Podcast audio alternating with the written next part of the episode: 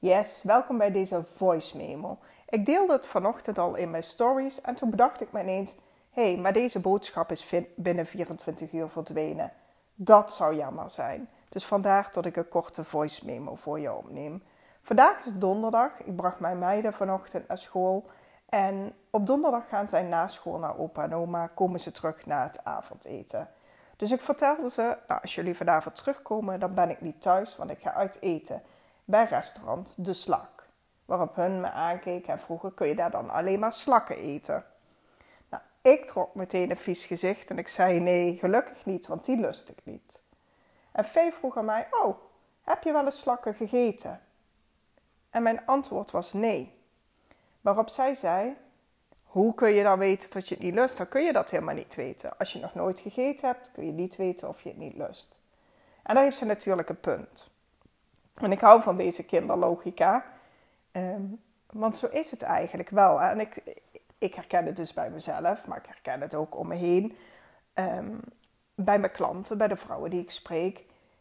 Tot je soms een oordeel hebt of bepaalde gedachten hebt op iets wat je nog nooit gedaan hebt.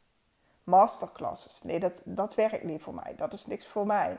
Podcast, nee, nee. Noem maar op. Zo kunnen we hem allemaal wel invullen. Je kunt dus pas oordelen op het moment dat je iets geproefd hebt, gedaan hebt, noem maar op.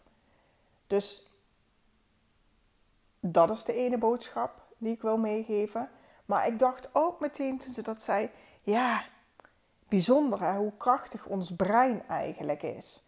Want ik heb nooit slakken gegeten, maar het idee daaraan doet mij gezicht vertrekken, doet mij lichamelijke sensaties krijgen in de, in de vorm van oh, een rilling. Ik zit het voor te doen, maar je ziet het helemaal niet. Maar weet je, en probeer het maar eens uit. Denk er iets aan wat je misschien nog nooit gegeten hebt, maar het idee alleen al.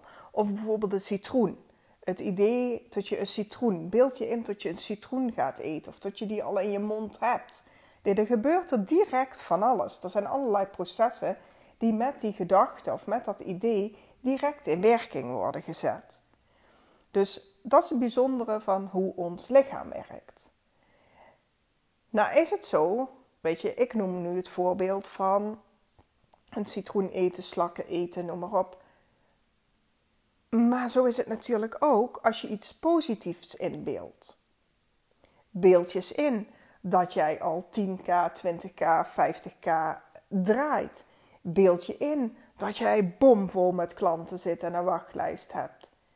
Um, Zie het voor je dat jij die marathon loopt, dat je over die finish komt.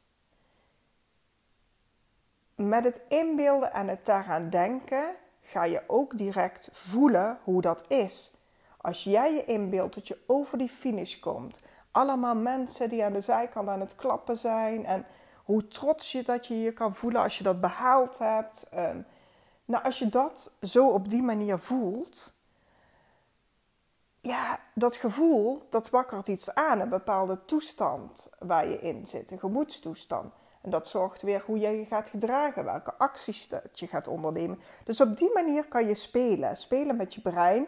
En dus eigenlijk ook je brein een beetje voor de gek houden. Omdat je brein geen onderscheid kan maken tussen wat echt is en niet echt is. Dus ga dat op een positieve manier inzetten. Dus deze voice memo heeft twee wijze lessen.